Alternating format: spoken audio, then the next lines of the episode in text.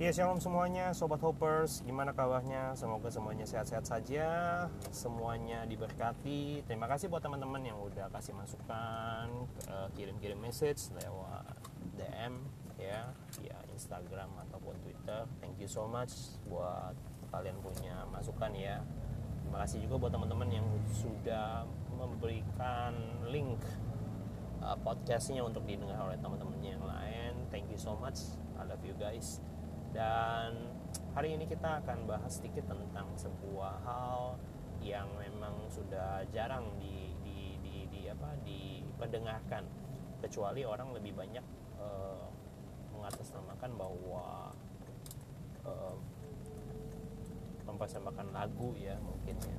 Ya, ini yang they call kesaksian ya kesaksian uh, saya sudah jarang sekali ya memang uh, banyak mendengar orang tentang kesaksian. Uh, dan padahal kalau kita melihat fungsi daripada gereja itu sendiri ada tiga ya. Saya membaca ada trifungsi daripada uh, sebuah gereja yang sehat. Uh, yang pertama gereja yang sehat itu adalah koinonia ada yang namanya persekutuan. Yang kedua gereja yang sehat itu ada yang namanya diakonia atau pelayanan yang ketiga ini gereja yang sehat juga memiliki yang namanya unsur marturia fungsi marturia ini adalah kesaksian iman.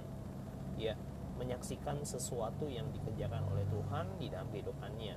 Ya itu yang dinamakan marturia nah um, saya lihat bahwa banyak sekali gereja-gereja yang dulu dulu dengan dengan paham-paham yang seperti yang orang-orang yang dulu ya tempo tempo dulu ya dengan uh, gembala yang zaman dulu mereka banyak sekali yang namanya kesaksian maturia sehingga uh, kesaksian ini sangat-sangat menarik orang-orang untuk datang ke gereja itu atau datang untuk melihat apa yang apa yang dikatakan apa yang dialami oleh orang tersebut ya itu sebuah uh, teknik salah satu teknik juga yang untuk uh, mengajak jiwa-jiwa baru ya untuk datang ke gereja.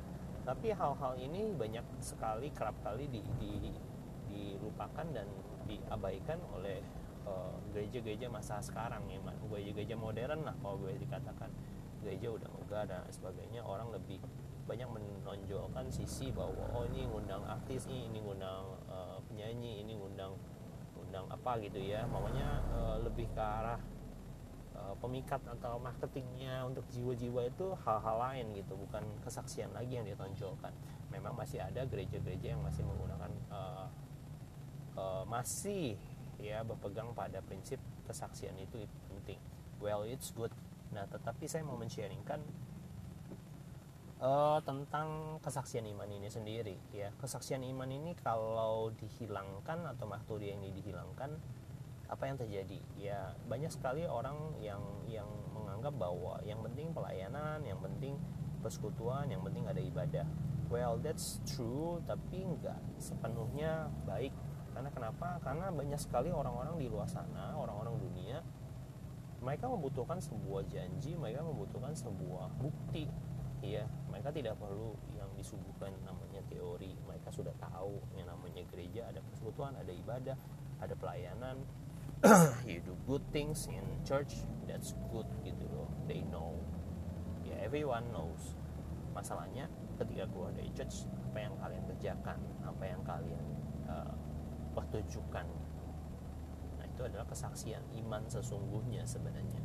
Jadi kesaksian iman itu bukan hanya menyaksikan perbuatan Tuhan dia disembuhkan dari sakit penyakitnya dari kankernya yang stadium 4 e, dipulihkan utangnya dari yang utang menjadi lunas dan lain sebagainya. Bukan hanya itu bukan hanya mujizat yang diterima tetapi lebih daripada itu kesaksian iman itu menyaksikan perubahan kehidupannya ya perubahan hidupnya yang dari dulu dulunya orang yang seperti di dalam kegelapan dari orang yang tidak mengenal Tuhan dari orang yang tidak punya kasih dari orang yang yang memble menjadi orang yang dirubahkan pribadinya menjadi orang yang berubah seperti pada saat uh, Zacchaeus ketemu dengan Yesus. Itu adalah se sebuah kesaksian yang ditunggu gitu. Kesaksian yang yang yang dicari. Kesaksian yang real ya orang tahu siapa kita dulu di masa lalu. Tetapi ketika kita mengenal Yesus orang itu akan terperanjak oh kok bisa berubah? Kok bisa 180 derajat berubah gitu? Zakheus dulu orang yang yang memikirkan dirinya sendiri. Mungkin dia kaya sekali karena dia memeras orang-orang uh, Yahudi gitu ya dengan tak pajak pengenaan pajak lebih daripada apa yang diminta oleh uh, pemerintahan Romawi ya dia bisa bergelimpangan harta. Dia punya keluarga yang dia bisa uh, manjakan dengan segala kemewahan dengan segala uang yang dia miliki. Tetapi dia memiliki kekosongan di dalam hatinya. Dia nggak ada orang yang peduli sama dia nggak ada orang yang sayang sama dia nggak ada orang yang dengan tulus menyapa dia. Tetapi ketika Yesus bertemu dengan Zakheus ketika uh, sebuah sebuah kasih itu menyapa pada saat Zakheus ada di atas sebuah pohon pohon ara dan Yesus memanggil Zakheus turunlah hari ini aku akan menumpang kepada rumahmu. Dan sapaan itu adalah sebuah sapaan yang yang luar biasa. Zakheus tidak pernah pernah menerima sapaan seperti itu sangat itu. Ya sapaan itu mengubah kehidupan Zakheus Zakheus begitu sukacita turun dari pohon itu dan membawa Yesus masuk ke dalam rumahnya. Nah ketika membawa Yesus masuk ke dalam rumahnya sesuatu terjadi sesuatu perubahan terjadi sesuatu hal terjadi saudara-saudara. Situ Zakheus ditransformasikan. Ya dia melihat betapa kasihnya Yesus. Dan saya menilai bahwa orang berubah bukan karena ditakut-takutin orang berubah bukan karena dia benci orang orang berubah bukan karena dihukum orang berubah oleh karena kasih oleh karena hatinya disentuh dengan kasih.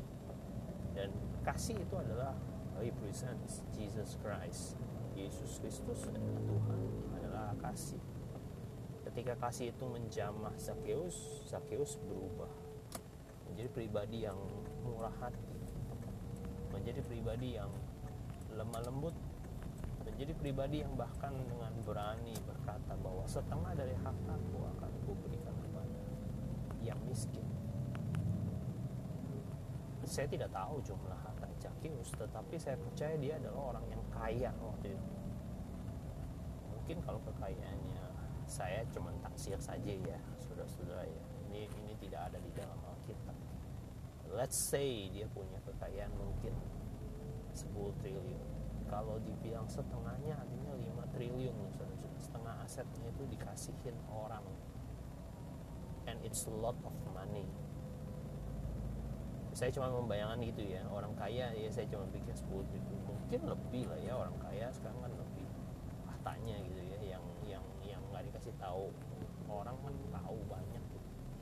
Orang beli rumah di mana-mana. Ya saya cuma membayangkan aja sih yang anak-anak saya yang kepikiran 10 triliun udah kaya gitu ya. 10 triliun itu artinya 10 ribu 10 ribu miliar ya.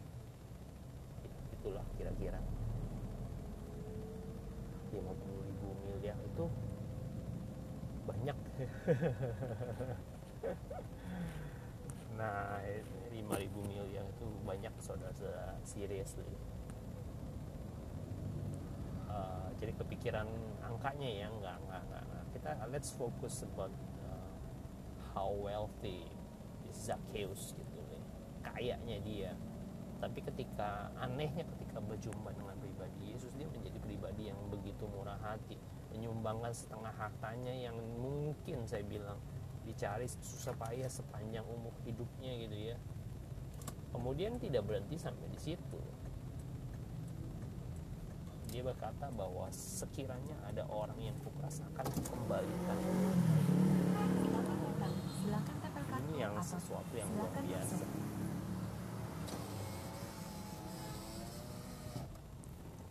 orang yang diperas dia orang yang di mana dia melakukan kesalahan dia kembalikan artinya saya percaya dia akan minta maaf. Mengembalikan itu kan harus kasih sama orangnya toh. Orang yang dia buat salah orang yang dia buat uh, sakit hati dengan besar hati dia mau mengembalikan dengan segala upaya yang terbaik. Orang kalau sakit hati saudara-saudara kalau dikembalikan dengan baik bahkan dikasih lebih saya percaya pasti terima ya saudara-saudara. Nggak mungkin orang tuh nggak terima. Apalagi ini uang. Empat kalinya loh. Jadi diambil 10 ribu dikembalikan 40 ribu. Saya pikir saudara pasti senang. Itu kalau 10 ribu. Kalau 10 juta dibalikin 40 juta senang nggak saudara seneng lah pasti jadi oh, kesaksian iman yang saya pikir yang sejati ketika saya melihat Zakheus berubah dan kehidupannya mempertontonkan sebuah perubahan itu adalah sesuatu hal yang luar biasa. Jadi uh, saya pikir kesaksian iman itu sebuah hal yang crucial dan penting jangan dilupakan. Dan saya berdoa supaya setiap kita ini baru adalah part one setiap kita boleh sama-sama belajar untuk bersaksi ya. Menyaksikan kebaikan Tuhan. Saya akan lanjutkan nanti the reason to testify ya di dalam episode episode sebelum uh, sesudah ini. Dan tetap stay tune di podcast saya. God bless you all. Bye bye